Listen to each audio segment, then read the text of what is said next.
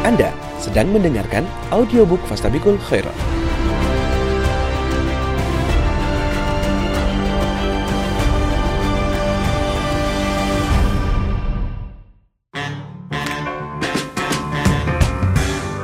Media sosial Jadi yang perlu dibahas teman-teman itu adalah apa fungsi utama dari setiap sosial media atau grup messenger ini. Karena kalau fungsinya ini luput, ujung-ujungnya bukan kita yang mengendalikan sosial media dan grup messenger, malah hidup kita yang habis untuk itu. Banyak kan ya dari kita ya mau tidur aja harus cek Instagram, bangun tidur kayaknya nggak sah kalau nggak update status. Itu mungkin di antara kita nggak ada, tapi di, di luar sana itu banyaknya minta ampun orang-orang semacam itu. Ini tandanya mereka dikuasai oleh makhluk yang namanya sosial media ini. Mungkin biar lebih uh, paham juga yang sosial media itu yang dimaksud itu misalkan contohnya pet, Instagram, Facebook, Facebook, Twitter, iya. YouTube, channel dan YouTube seterusnya. masuk ya? Oh itu masuk Oh, iya. dan bahkan nanti prediksinya 2019 yang Mhm. paling booming di dunia ini adalah YouTube channel itu. YouTube. Nah, maka ini yang kita sebut dengan sosial media. Adapun yang kedua namanya grup messenger, contohnya ya WhatsApp, Mhm. Telegram, Mhm. kemudian eh, BBM, BBM, ya. gitu. Nah, itu Line. nah, Line. Nah, itu contohnya eh, grup messengers. Dua hal ini punya dua fungsi yang jauh berbeda.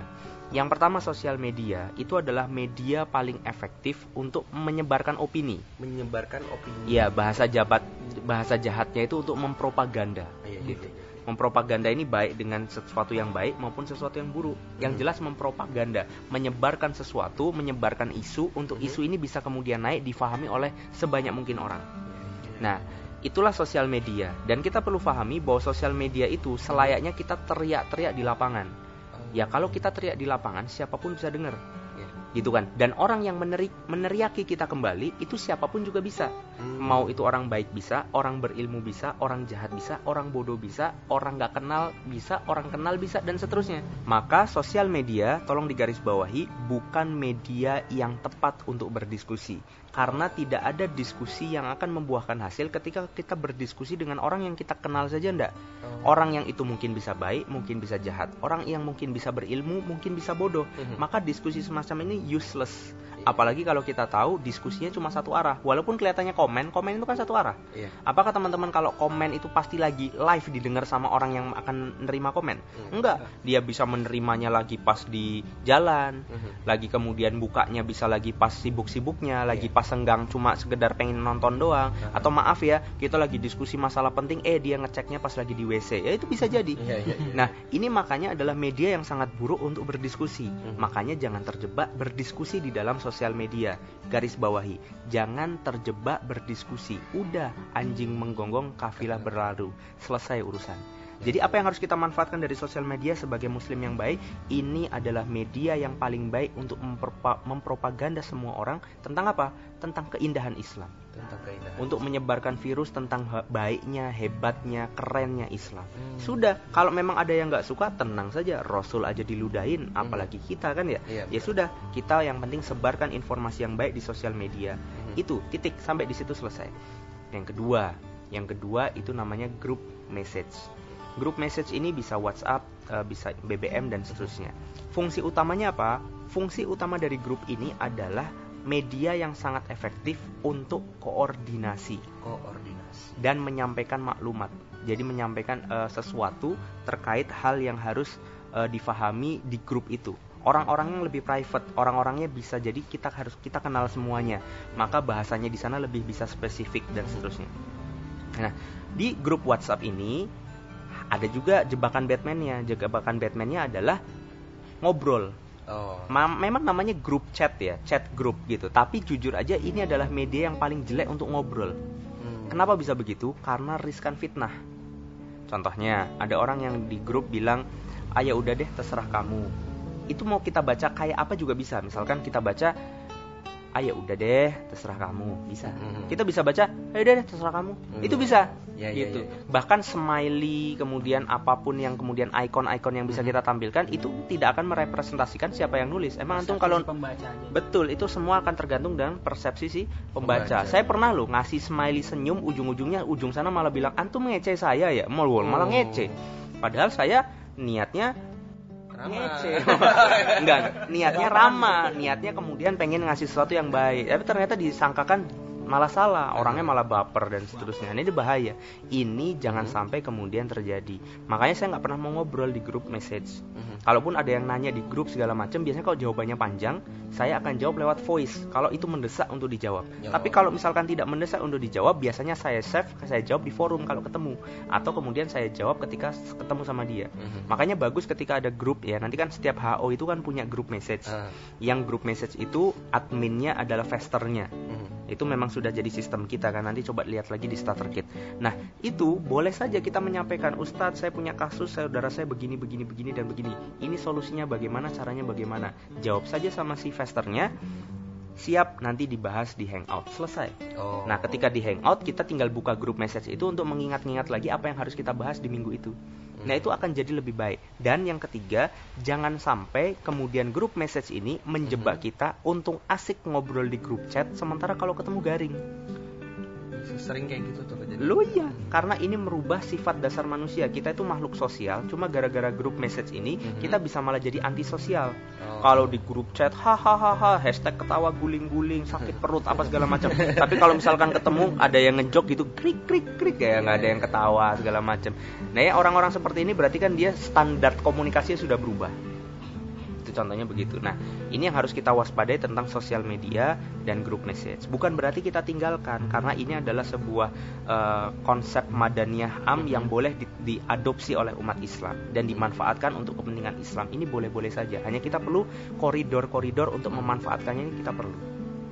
Nah, berdua gitu ya padahal tuh dalam forum Nah itu juga jadi jadi masalah adab-adab di dalam grup message bagus diingetin. Nah jadi contohnya misalnya lagi ngobrolin apa, lagi koordinasi apa yang penting tiba-tiba di bawahnya ngebom gitu. Ngebom itu contohnya ngebroadcast sesuatu yang mungkin kalau di scroll harus sampai 4-5 kali jempol naik ke atas. Nah itu Iya. kan akhirnya ngerusak sesuatu. Makanya ini juga harus diperhatikan. adab dalam grup gitu. Adab di dalam grup gitu.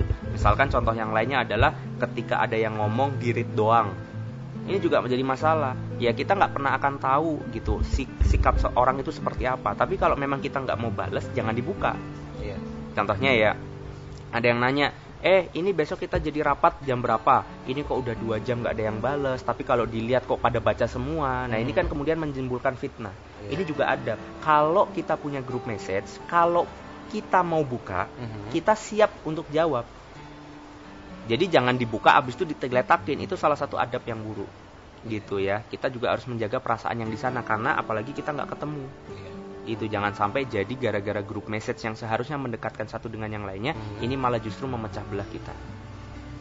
Ya, berarti tadi yang pertama kalau ada informasi, ada diskusi, misalkan saya lama Ustadz Imar lagi ngobrol, A B A B A B tiba-tiba nggak boleh ngebom gitu ya, tahu-tahu ngomong yang lain atau panjang ke bawah sampai Iya, boleh, boleh asalkan itu nyambung dengan obrolan Dengan kita kan obrolan ya. gitu Nah, ya. kalau misalkan nggak nyambung sama sekali ya tunggu obrolannya kelar. tiba-tiba iklan kajian gitu misalkan Iya. sering kayak gitu. Ini aja lah, apa il- apa fahami aja ilustrasinya kayak kita ngobrol langsung itu loh. Hahaha. Saya aku lagi ngomong sama Fuad nih, "At, ini gimana ya nanti sore kita mau kajian kajian halakoh?" Iya, Ustaz. Ini kita mau siap-siap. Apa persiapannya? Tiba-tiba Mas Reda ngomong, "Itu Pokemon bagus ya di depan ya." Yuk nangkep Pokemon ya kan nggak nyambung sama Iya, sekali. iya, Nah, iya. itu kan ngerusak ngerusak obrolan gitu. Atau misalkan kayak juga diemin message itu sama kayak, "At, hari ini kita halakoh jam berapa?" Nah, kan Padahal kan ada ya? di sini, Padahal gitu. kayak kamu ada di situ, kamu ngeliatin gitu ya. Aku juga tahu kamu ada di situ, kamu kamu denger tapi kok kamu nggak bales. Ya itu kan rasanya kan sakit gitu kan. Oh. Nah, Jadi ini memposisikan membayangkan kita lagi dalam kondisi lagi chat beneran, kita lagi Nah, ngobrol beneran. Iya, gitu, gitu. betul. Nah untuk kasusnya itu kan tadi grup message, sedangkan yang di sosial media Tat, kita sendiri kan semua masing-masing punya nih biasanya kan. Yap. Nah apakah di setelah ikut fase ini ada ada adab sendiri kita kalau upload upload gambar apalagi Instagram misalkan itu ada ada adabnya nggak sih Tat? Iya, karena itu dikiaskan dengan kita berbicara. Jadi apa yang kita lakukan di sosial media itu sama ketika kita dengan berbicara. Ya kita tinggal lihat adab-adab berbicara di dalam Islam. Mhm. Ya eh, Rasul sampaikan berbicara kalian yang baik atau kalian diam atau misalkan yang lainnya eh, ya ayyuhalladzina amanu lima taquluna ma la taf'alun. Mhm. ya janganlah kalian mengatakan sesuatu yang tidak kalian lakukan tidak kalian kerjakan. Kaburomaktan indallahi yang taquluna ma la taf'alun. Akan sangat besar kebencian Allah bagi orang-orang yang mengatakan sesuatu yang tidak dia kerjakan itu sama juga dengan di sosial media, sama juga dengan di grup message. Kalau Mhm. teman-teman nge-broadcast sesuatu misalkan jangan lupa besok puasa Syawal ya gitu. Ini Tapi- puasanya begini dan begitu sementara kita nggak jalanin itu Mhm. hati-hati gitu. Atau banyak nggak dari kita yang pernah nerima begini, nge-broadcast nih jeder gitu. Abis itu di bawahnya tiba-tiba ada yang komen, "Ukti atau ahi itu kan ha- hadisnya nggak soheh ya." Terus yang atas cuma bilang, "Hehehe, iya maaf cuma nerusin dari temen." Hmm, kopas dari sebelah Nah, gitu. hati-hati, kopas ini bikin masalah. Hmm. Kenapa bikin masalah? Karena kalau salah, antum memang nggak kena dosanya. Kena juga. Iya, Walaupun iya. kalau baik, antum juga kena pahalanya betul. Tapi kan baik itu tahu nggaknya ya, kita harus cross check. Mhm. Jangan asal main kopas. Kadang orang terima broadcast baru dibaca judulnya kayaknya judulnya bagus, langsung disebar ke yang lainnya. Nah ini hati-hati. Ini bisa menjadi pahala jah- jar- ja- ini bisa menjadi pahala jariah atau kemudian malah bisa menjadi dosa jariah. Nah itu juga hati-hati. Makanya bagus sih kalau teman-teman di sosial media sama di apa WhatsApp jadikan ini wadah untuk melatih kita dalam hal menulis. Mhm. Ilmu itu ketika kita pelajari itu akan lebih mengendap ketika kita sampaikan kepada orang lain. Menyampaikan ini bisa secara lisan, secara langsung atau bisa dengan menulisnya. Mhm. Jadi contohnya nih, Fuad udah baca nih misalkan buku judulnya Muhammad Al-Fatih 1453. Mhm. Selama Fuad tidak pernah bisa menceritakan itu kepada orang lain, ilmu itu akan segera menguap. Oh. Atau selama Fuad tidak bisa menuliskan itu kemudian disebarkan kepada orang lain, maka ilmu itu akan menguap. Maka meng- eh, memberikan ilmu kita kepada orang lain dan mencatat atau memberikan catatan itu kepada orang lain itu adalah salah satu hal Mhm. yang kemudian difahami sebagai metode untuk mengikat ilmu yang kita pelajari. Mhm. Nah, kalau tadi dibilang media sosial itu sa- salah satu alat propaganda. Berarti apakah kita memang setiap ngupload itu harus propaganda Islam aja? Misalkan kita mau selfie-selfie, foto-foto makanan itu tuh masih boleh nggak sih? Baik. Sebetulnya kalau ngomong boleh nggak boleh tergantung teman-teman tuh mau ngajinya di mana. Mhm. Tapi yang jelas saya mau sampaikan sesuatu itu manfaatnya yang harus kita lihat terlebih dahulu. Manfaatnya. ya? Manfaatnya karena begini, waktu kita ini kan pendek. Kita udah belajar ki sampai episode time for hijrah. Iya. Ya, waktu kita tuh pendek. Selfie itu kelihatannya se- sehari kan. Eh, Maksudnya kelihatannya sekali kan ya. Tapi itu bikin edik loh. Iya, iya. Serius eh, dalam level yang sangat parah gitu ya. Uh-huh. Dalam level yang sangat parah, saya bahkan pernah melihat dengan kacamata saya sendiri seperti ini. Saya waktu itu lagi di Masjid Nabawi. Mhm. Kemudian teman saya ini kemudian mengambil kopi bukan mengambil kopi, mengambil cangkir kopi. Tahu kan kalau cangkir kopi dari kertas itu Oh, yang iya. biasa ada di hotel-hotel. Ya, itu ada cangkir kopi di tong sampahnya Masjid Nabawi yang gede itu.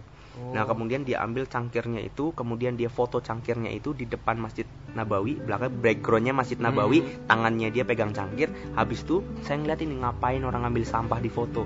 Habis itu selang beberapa menit, kemudian di Instagram atau di Facebooknya kalau nggak salah saya lihat sudah mulai terpampang tulisan indahnya ngopi di pelataran Masjid Nabawi. Masya Allah. Itu konsepnya tuh lagi umroh kita tuh di iya, sana. iya, iya. Nah, ini artinya apa? Ini bikin edik gitu loh. Eh, Ini tuh bikin edik. Kayak misalkan eh, set ngutang boleh nggak sih? Yang ngutang itu boleh-boleh saja asal dibayar, asal tidak kena riba itu boleh-boleh aja. Tapi hati-hati utang ini bikin edik Mhm. gitu.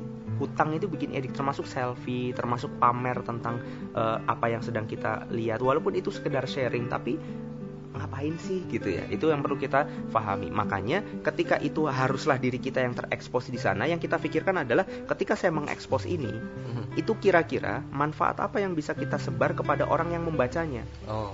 Lebih kepada itu yang harus kita pikirkan terlebih dahulu sebelum kita mengumbar segalanya itu masuk ke sosial media. Karena sekali lagi orang itu nggak tahu yang siapa yang bakal ngelihat itu. Ali bin Abi Thalib radhiyallahu an kemudian bilang berpesan kepada kita, jangan terlalu banyak cerita tentang diri kita. Mhm. Jangan terlalu show off gitu. Jangan terlalu banyak suka cerita tentang tentang kita. Hmm. Kenapa? Karena orang yang mencintai kita tidak membutuhkannya dan orang yang membenci kita tidak akan percaya. Nah itu tandanya bahwa ya sudahlah kita uploadnya boleh misalkan contohnya saya sama Fuad lagi eh, jalan-jalan di eh, pinggir jalan lagi makan kopi bareng minum kopi bareng Hmm. kemudian kita foto sambil pegang cangkir kopi boleh nggak? Boleh tapi kita harus pikirkan apa nih manfaatnya kalau cuma sekedar Ngopi bareng. wah hujan-hujan ngopi bareng asik, eh misalkan begitu ya oke sih cuma ya buat apa gitu kita Hmm. melakukan hal-hal yang Captionnya gitu ya. Nah, caption begitu. Tapi kalau kita membahas tentang bagaimana kemudian ke- kedekatan kita sedang kita bangun, kita nih sekarang kita nih lagi lagi ngopi, lagi membahas tentang ini. Nah, ininya itu manfaat misalnya. Oh. Itu nggak ada masalah. Iya, iya. Ya bukan nggak ada masalah ya itu lebih baik Hmm. karena dari situ kita menggunakan sosial media ini untuk untuk kemudian memberi manfaat kepada orang lain. Masih terkait media sosial Tat. kalau kemudian kita kan masing-masing punya account sedangkan Fast kan juga punya account Hmm. Be- bentuk support seperti apa yang kita harus lakukan dan apakah itu wajib Nah, itu yang harus teman juga pahami. Kalau misalkan teman-teman sudah tahu ada akun-akun yang kredibel, Mhm. akun-akun yang dikelola oleh orang-orang yang berilmu, orang-orang yang tanggung jawab atas isinya, teman-teman repost nggak ada masalah. Ya repost, retweet atau nge-love, nge-like, nge-share itu nggak ada masalah dan bahkan itu adalah kontribusi yang sangat baik. Contohnya begini, kalau ada Instagram, teman-teman coba ke, eh, ke- sebelah kiri itu kan home ya. Yes. Nah, sebelah kanannya itu kan ada loop, ada gambar search. Nah, di search itu kalau teman-teman klik itu akan keluar gambar apa? Akan keluar gambar-gambar Random. random yang itu merupakan sesuatu yang di like sama yang kita follow atau Hmm. di like sama yang ngefollow kita. Iya. Nah, itu menunjukkan bahwa dengan memfollow, melike eh, dengan dengan nge-like, sorry, kalau Nah, itu menunjukkan ini nanti dipotong. Nah, itu menunjukkan bahwa dengan me-like, nge-share, nge-repost, nge-komen sebuah posting, Mhm. maka posting itu akan naik di timeline. Mhm. Nah, itu berarti kita membantu. Ketika ada yuk ngaji ID atau add ngefast kemudian ngasih tahu sesuatu yang bermanfaat kemudian kita repost, Mhm. nah itu adalah sama seperti kita menaikkan dakwah fastabikul khairat Oh. menaikkan dakwah yuk ngaji. Maka apa pun manfaat yang diberikan oleh akun-akun mereka itu, insya Allah pahala juga mengalir kepada kita. Oh. Barang siapa yang menunjuki kepada sebuah kebaikan, maka dia akan diberi pahala seperti orang yang melakukan kebaikan tanpa mengurangi pahala orang yang melakukan kebaikan itu. Tapi sekali lagi, barang siapa yang menunjuki kepada kebu- sebuah kemudorotan, kemaksiatan, maka dia akan mendapatkan dosa seperti bermaksiatnya orang tersebut tanpa dikurangi dosa dari orang yang itu. Contohnya ada gambar afwan ya, misalkan ada gambar cewek nampilin aurat. Terus kita love aja. Itu kan berarti kita naikin gambar itu ke permukaan. Oh. Sehingga akan membuat lebih banyak orang melihat gambar itu. Apa yang terjadi? Setiap mata memandang gambar itu di belahan dunia mana pun kita kena dosanya. Nah, kebalikannya dengan kebaikan. Hmm. Kalau ada sesuatu yang baik kita love, like, share dan seterusnya, dia naik ke permukaan, dia naik ke timeline, kemudian banyak orang yang melihat, banyak orang yang eh, menyaksikan itu, maka hidayah-hidayah yang tersebar karena itu juga adalah pahala dan kebaikan untuk kita. Tapi harus perlu diingat, segala yang kita like, kita repost, kita share itu adalah sesuatu yang memang kita lakukan biar nggak kena ayat yang tadi Oh. maktan indallah tadi. Nah, itu begitu. Nah, kita kembali lagi ke masalah grup chat. Ini kalau udah diumumnya di grup itu biasanya tuh ada yang jualan, ada yang sharing info kajian, ada yang sharing mungkin foto-foto, oh foto-foto apa macam-macam lah. Saya lagi di sini lagi. Ini ini kan mereka menganggap bahwa ini tempat kita ngobrol bukan di luar, bukan di medsos tadi. Nah, itu ada batasannya nggak sih kita harus apa yang harus kita bahas di HO itu maksudnya selain koordinasi, bolehkah kita kemudian saling promosi kajian atau promosi barang jualan atau mungkin promosi kita lagi ngapain gitu. Oke, kalau ngomongin jualan dulu boleh nggak? Ya nggak ada masalah selama di grup itu memang dikehendaki dibolehkan untuk itu. Oh, gitu. Makanya kan grup itu kan harus ada aturannya juga. Kalau memang grup itu aturannya nggak boleh pada dagang ya harus pada nurut. Kalau nggak ya keluar aja dari grup itu bikin grup sendiri. Mhm. Karena grup itu kan miliknya admin. Iya. gitu. Kita mau jualan di timeline kita boleh nggak? Boleh, itu tuh lahan kita, terserah. Asal ada yang ngelihat terus dia ngelihat itu nggak boleh marah. Salah sendiri antum ngeklik saya. Mhm. Kan begitu kan ya? Tapi kalau kita lagi ada di lahan orang, kita nggak boleh semena-mena. Itu kan banyak tuh ya, atasnya misalkan innalillahi wa inna ilaihi telah berpulang, bawahnya ini pemutih sis bisa dilihat ini kan nggak nyambung sama sekali. Nah, ini yang kayak gini kayak gini nih yang parah ini. Nah, ini artinya apa? Teman-teman harus bijak. Kita ini sedang ada di lahannya siapa. Jangan kita masuk rumah orang terus jualan seenak sendiri. Nah, itu nggak boleh. Nah, itu yang pertama. Terus yang kedua, jangan sampai juga akhirnya malah kita asik ngobrol di grup chat sementara HO-nya garing. Oh. Nah, ini juga harus diminimalisir. Dan memang kita harus saling mengingatkan satu dengan yang lain untuk kemudian kita bisa lebih seru di offline daripada di online. Gitu. Kan di grup itu banyak orang ya. Tapi dia ngobrol dia lagi dia lagi atau dua orang dia dia. Terus itu gimana sih sebenarnya caranya kita tuh membi- membicarakan? Itu kan sebuah adab ya. Biar dia nggak berdua asik sendiri aja gitu. Nah, itu juga penting tuh. Jadi kalau memang obrolannya tuh untuk orang berdua, ya jangan diterusin, terusin aja kalau di Japri nggak masalah atau di direct message nggak masalah. Tapi kalau misalkan obrolan ini cuma dua orang, sementara grupnya ada 30 orang, nih orang dua nggak ngapain kan ya. Mhm. Nah, tapi ini juga perlu disadari bahwa ini terjadi karena banyaknya yang silent reader Iya, gitu. Istilahnya tuh homo lesbi. Hobi monitoring, males bicara. Nah, Nah itu itu juga harus kita pahami kalau ada di grup HO kita harus ngelihat ini orang ngapain diem terus ya. Nah itu kita colekin, mas mas ngobrol dong mas gitu. Hmm. Atau pas di HO kita kasih tahu kenapa nggak sering komen. Padahal dengan adanya komen paling nggak kita bisa tahu reaksi dari apa yang kita bicarakan gimana. Tapi sekali lagi ya bukan obrolan, bukan ledek-ledekan yang ada di sana, tetapi lebih kepada koordinasi. Mhm. Kalau koordinasi tapi dia diem terus itu kan rasanya kan kayak gimana. gitu. Nah itu itu harus kemudian dicolekin satu-satu. Dan ini memang bagusnya berfastabikul khairat. Karena kalau cuma adminnya saja yang kerja, itu tandanya cuma admin yang berfastabikul khairat atau fasternya doang. Mhm. Nah terus gimana ya? Misalkan ini satu grup nih, adminnya saya, eh, grupnya kalian nih berlima, berenam, bertujuh dan seterusnya. Ya udah, misalkan Fajri ngelihat Fuad kenapa nggak pernah komen ya? Fajri direct message ke Fuad aja. At kamu nggak komen di grup tuh lagi ngobrolin ini loh, ada usulan nggak dan seterusnya. Nah ini akan menimbulkan suasana di dalam grup itu, biar grup itu juga eh, ada, tidak mengganggu, Mhm. bermanfaat, tetapi tetap lebih eh, menarik ketika ketemu. Nah itu tetap suasana itu harus kita jaga. Gitu. biar si silent readernya ini jadi aktif gitu ya Nah. biar dia nggak hilang tiba-tiba nanti tong hilang aja sendiri gitu. Nah betul, karena bisa jadi silent reader ini karena dia punya unek-unek tapi nggak berani nyampein, Oh. dan dia berani nyampein ketika dijapri. Oh. Nah itu bisa kemudian abis, oh ternyata Fuad ini punya unek-unek begini. Nah Fajri kemudian ketemu sama saya ngomong gitu. Tapi ngomongnya jangan di grup, jangan terus, oh nih Ternyata- Fuad nih ternyata sa- sal diem diem begini. Nah, itu. ya inilah kita harus harus paham lah gitu. Kita harus paham yang begitu-begitu itu. Dan kalau memang ini jalur koordinasi, perlu nggak sih seluruh anggota FAS di satu grupin gitu? Dulu ya di Bekasi itu semua anggota FAS tapi memang terpisah Rijal sama Nisa itu ada dalam satu grup. Mhm. Rijalnya kurang lebih ada 3 4 35-an lah. 35 orang, eh, Nisanya ada sekitar 80 orang. Itu ada di satu grup gitu. Nah, apa yang terjadi? Yang terjadi ya begitu. Yang aktif ya cuma 4-5 orang itu doang, yang lainnya udah silent reader doang Mhm. gitu makanya habis itu grupnya saya bubarin saya pecah menjadi grup hangout yang kapasitasnya cuma 5 sampai 10 orang itu yang baper banyak banget serius nggak bercanda orang-orang yang datang sama saya bahkan ada yang sampai nitikin air mata saya nggak bercanda sampai ngomong ya mas kenapa sih harus dibubarin? Bukannya grup ini adalah awal kita kenal Islam. Bukanlah ini adalah jalinan ukhuwah. Iya, iya, bahwa ini kan ini kan kekerabatan kan muncul dari grup ini. Oh banyak sekali yang komplain sama sekali.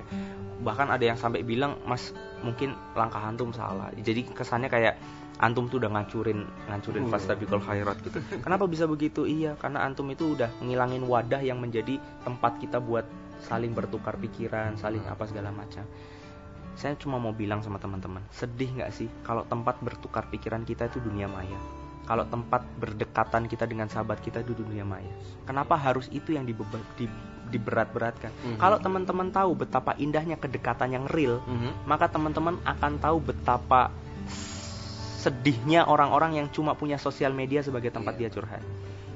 Ini cerita ya, cerita real story. Waktu itu Cesar pernah cerita, ya di saat kemudian istrinya sakit, ya waktu itu istrinya keguguran anak yang ke harusnya keempat atau ketiga ya. Mhm. Nah, keguguran itu kemudian banyak sekali karena Mbak Indah ini ngupload fotonya di pet, Mhm. gitu kan banyak sekali yang doain, banyak yang sekali yang segala macam. Ketika itu saya Cesar bilang, Alhamdulillah nih akhi banyak banget nih yang doain ada ada sekian ratus atau sekian ribu komen gitu dari ratusan ribu followernya mereka. Mhm. Kemudian saya tanya dengan sederhana, kira-kira dari sebanyak orang itu siapa sih yang jenguk? Yang jenguk beneran itu siapa? Ternyata dari ratusan ribu itu ya yang jenguk cuma tiga. Sahabat saya namanya Mas Jarot, saya sendiri, kemudian orang tua mereka. Artinya di sini apa ya? Itu yang real gitu. Jangan sampai gara-gara beratin sosial media, sahabat-sahabat kita yang real, orang-orang yang kemudian ketika kita susah mereka ada, ketika keimanan kita futur mereka menaikkan itu kembali, ketika kita butuh sandaran mereka punya sandaran yang baik untuk kita kemudian mencari kebaikan. Justru kemudian kita sepelekan atau kemudian kita nomor dua kan dibandingkan orang-orang yang di grup message yang sementara mereka cuma silent reader. Iya. Nah ini harus teman-teman pahami bahwa yang sedang kita bangun ini adalah sebuah komunitas yang tingkat emosionalnya tinggi, Hmm. tingkat kemudian eh, kedekatannya itu luar biasa. Coba teman-teman baca deh cerita-cerita Rasul. Misalnya contohnya nih ambil-ambil contoh sederhana aja. Salman Al Farisi siapa sahabatnya yang dipersaudarakan di Madinah? Abu Darda. Nah Abu Darda ini kemudian dimintain tolong sama Salman Al Farisi karena Salman ini kan muhajirin dia eh, menyukai salah satu sahabat eh, sahabiyah Ansor yang kemudian dimintai Abu Darda ini untuk melamarnya. Abu Darda berdatang melamar dia. Kemudian apa yang terjadi? Orang tuanya bilang, aduh anak saya ternyata mau nikah. Alhamdulillah dong pak. Iya tapi mau nikahnya sama antum bukan sama Salman. Kemudian datang Abu Darda itu ke Salman. Ya Salman yang sudah uh, gegap gembita, sudah menyiapkan mahar. Bayangin aja, udah siapin mahar, udah siapin segala sesuatunya untuk menikahi si akhwat ini. Kemudian diberitakan bahwa ternyata akhwatnya maunya sama saya ya Salman gitu. Kemudian apa kata Salman? Ya sudah, kalau begitu nikahilah. Dan mahar ini adalah mahar pernikahan untukmu. Masya Allah. Nah coba teman-teman coba pikirkan deh, apa konsep konsep persahabatan semacam itu Mhm. Itu apa mungkin dijalin dengan sosial media?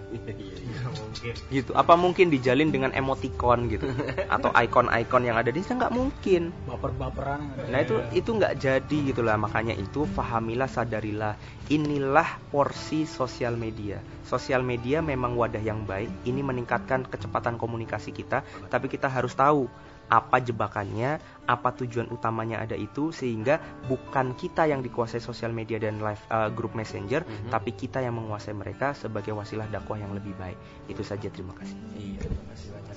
Wah, alhamdulillah sekali kita dapat banyak masukan dari Ustadz Imar juga mengenai penggunaan grup chat dan juga sosial media.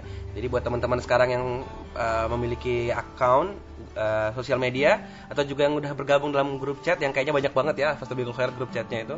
Nah itu sekarang sudah bisa ngerti bagaimana adab-adabnya, cara-cara menggunakannya supaya lebih bermanfaat biar kita bisa mendapatkan uh, pahala jariahnya gitu. Baik terima kasih Ustadz Wimar dan juga teman-teman yang sudah hadir di sini. Kita tutup uh, forum kita kali ini dengan doa kafaratul majelis. Subhanakallahumma wa bihamdika asyhadu ilaha illa. Wabillahi taufiq wal hidayah. Wassalamualaikum warahmatullahi wabarakatuh. Sampai jumpa di audiobook berikutnya.